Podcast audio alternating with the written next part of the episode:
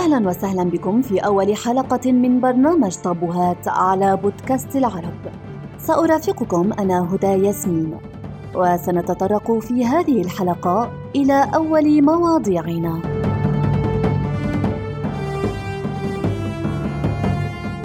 الكوكايين البصري أو ما يسمى بالإباحية. يستهلك العديد من الأشخاص المواد الإباحية كل يوم والمواد الإباحية هي المطبوعات أو المرئيات أو المسموعات التي تثير الغريزة الجنسية من أفلام إباحية أو عادة سرية أو صور مغرية.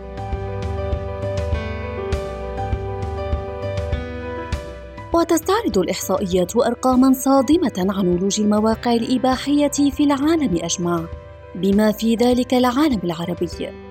أما عن الأسباب التي تدفع بالشباب للاتجاه نحو مشاهدة الإباحية فلنتعرف عليها مع الأخصائية النفسية نسرين الهواري.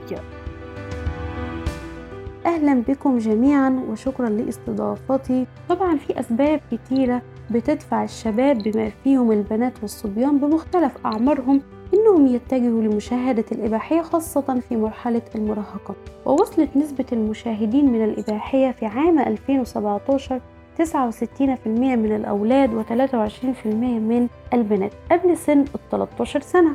للأسف مش بيكون عندهم إدراك ووعي بخطورة فعلهم واللي ممكن يوصلهم للإدمان.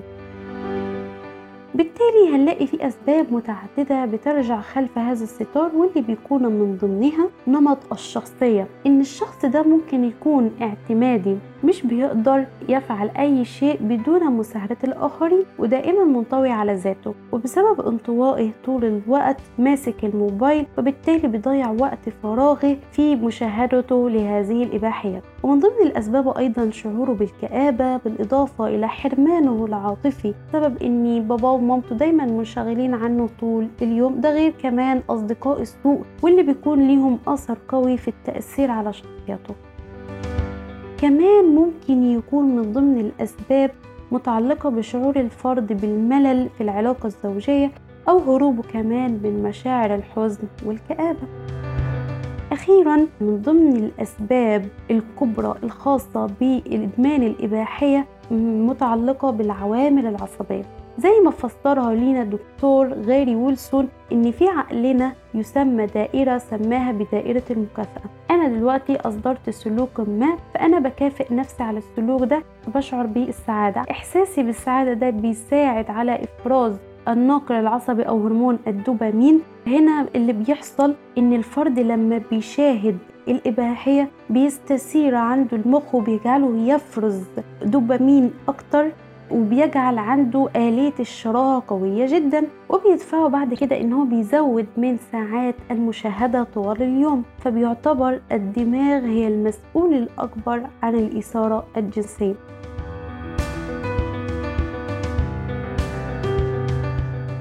قد يظن بعض من مدمني المواقع الإباحية بأنهم بخير ويدعون أنها مجرد مقاطع فيديو ترفيهية لكن الحقيقة ستظهر عند أول سؤال إذا كانت كذلك فلماذا لا تشاهدها برفقة أسرتك؟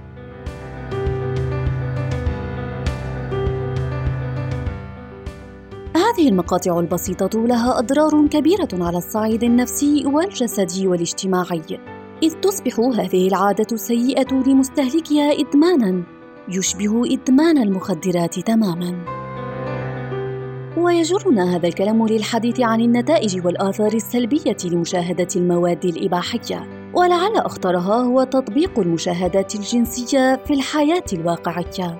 فمشاهدة هذه المواد تسبب زيادة السعادة والنشوة بإفراز هرمونات الدوبامين والأدرينالين والأكسوتين غير أنه باعتياد هذه المشاهد تقل هذه النشوة فيصاب المدمن بالضيق ويعود للمشاهدة. لكن هذه المرة يطور مشاهداته للأسوأ لمشاهد خليعة ومواد إباحية شاذة سواء للقصر أو للمثلية أو للجنس الجماعي.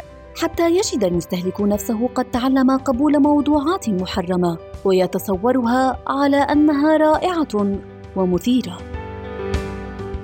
ويؤدي هذا التضليل إلى علاقات اجتماعية مريضة وهدم كلي للنفس البشرية بل وتدمير مجتمعات بأكملها وذلك بتوليد ظواهر اجتماعية معتلة كالاغتصاب وزنا المحارم والتعدي على القصر والتحرش الجنسي والطلاق.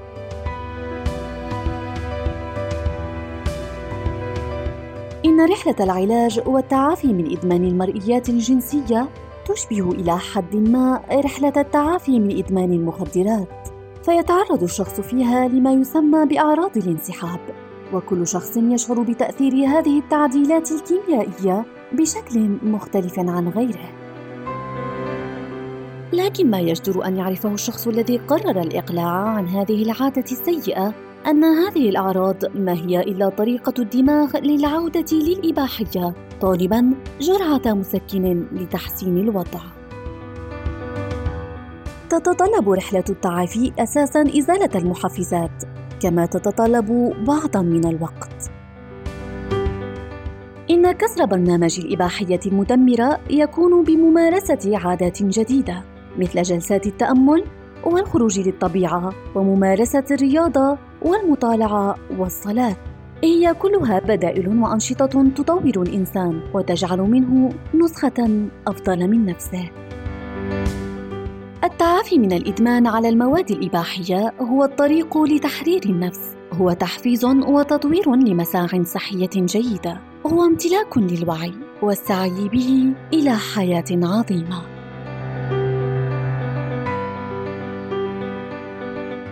كنت معكم في أولى حلقات برنامج طابوهات. نلقاكم في الحلقة القادمة التي تتناول موضوع التحرش الجنسي والاغتصاب.